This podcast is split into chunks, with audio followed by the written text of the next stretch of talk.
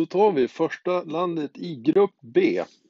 Danmark kvalade in i grupp D tillsammans med Schweiz, Irland, Georgien och Gibraltar. Där var Danmark ett av de målgladaste nationerna under hela kvalet. Och trots en vass offensiv så var det ändå kniven mot strupen in i det sista för att danskarna skulle ta sig vidare till mästerskapet. Allt avgjordes i sista omgången där man inte fick förlora mot Irland för att säkra EM-biljetten. Något danskarna lyckades med. Men det var tajt, för irländarna kvitterade matchen i 85 minuten, så det var ett par nervösa minuter för danskarna innan EM-biljetten landade på Ströget. Några snabba fakta om Danmark är eh, till exempel då att man kom tvåa i grupp D, man har placering 12 på världsrankingen. Bästa målskytt i EM-kvalet, Christian Eriksen på fem mål. Och man har spelat åtta tidigare EM varav den bästa prestationen är det helt osannolika guldet från EM 1992. Tränaren Kasper Hjulman är en helt sinnessjukt grå figur.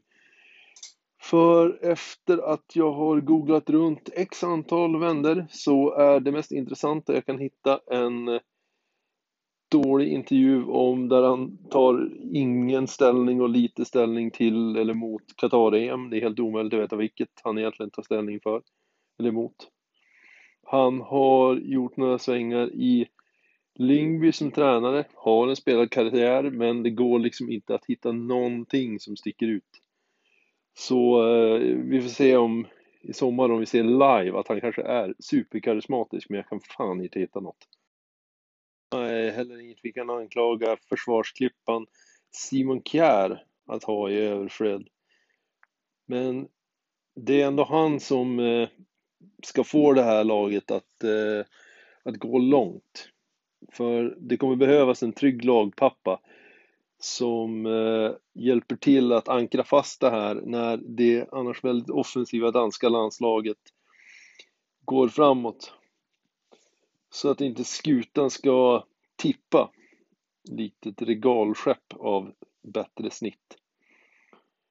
Han har hållit yngre kollegor i handen under hela säsongen eh, och kommer så även göra med den yngre och mer lovande Andreas Christiansen. Kjär gick från den turkiska ligan och har i år klivit in som en självklar och fundamental pjäs i Milans backlinje där han gjort det extremt bra med lugn, trygg och stabil bollbehandling och självklarhet. Inte mittfältaren Christian Eriksen är hjärnan och den känsliga foten som styr hela den danska offensiven. Efter en stökig skilsmässa från Tottenham som gjordes offentlig tack vare en Amazon Prime-dokumentär landade Eriksson in i Milano-klubben Inter där han skulle bli spelaren som skulle ta laget till ligatiteln. Ligan vann laget, men eh, Eriksen var långt ifrån den kugge som man trodde han skulle bli då han fick nöta en hel del bänk. I eh, många matcher så fick han ingen speltid alls. I det danska landslaget är han dock fortsatt den självklara supernovan vars gravitation gör att alla bollar kommer gå via honom. Sen den där sköningen på eh, parken i Köpenhamn som enligt egen utsago skickade i sig 27 bärs för att senare gå ner och sopa till domaren för att den helt enkelt varit för dålig i matchen mellan Danmark och Sverige. Så att Danmark inte spelar någon mästerskapsfotboll. Så eh, man längtar verkligen efter den folkfest som väntar på parken även om man bara får ta in 30% av kapaciteten på arenan.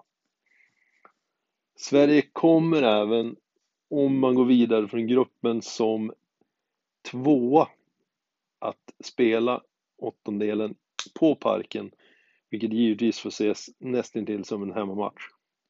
Det har pratats lite grann ute i communityn och på forum om bonusavsnitt och lite topp 5-listor och sådär. Vi kommer i eh, redaktionen förmodligen och förhoppningsvis ha lite mer tid nu i veckan som kommer. Så att eh, vi ska se vad vi kan göra åt det. Listorna kommer givetvis i sådana fall vara otroligt subjektiva. Finns ju till exempel inte en dansk, när vi ändå är inne på det här avsnittet, som kommer vara i närheten av en sådan lista. Det kan vi vara väldigt lugna för.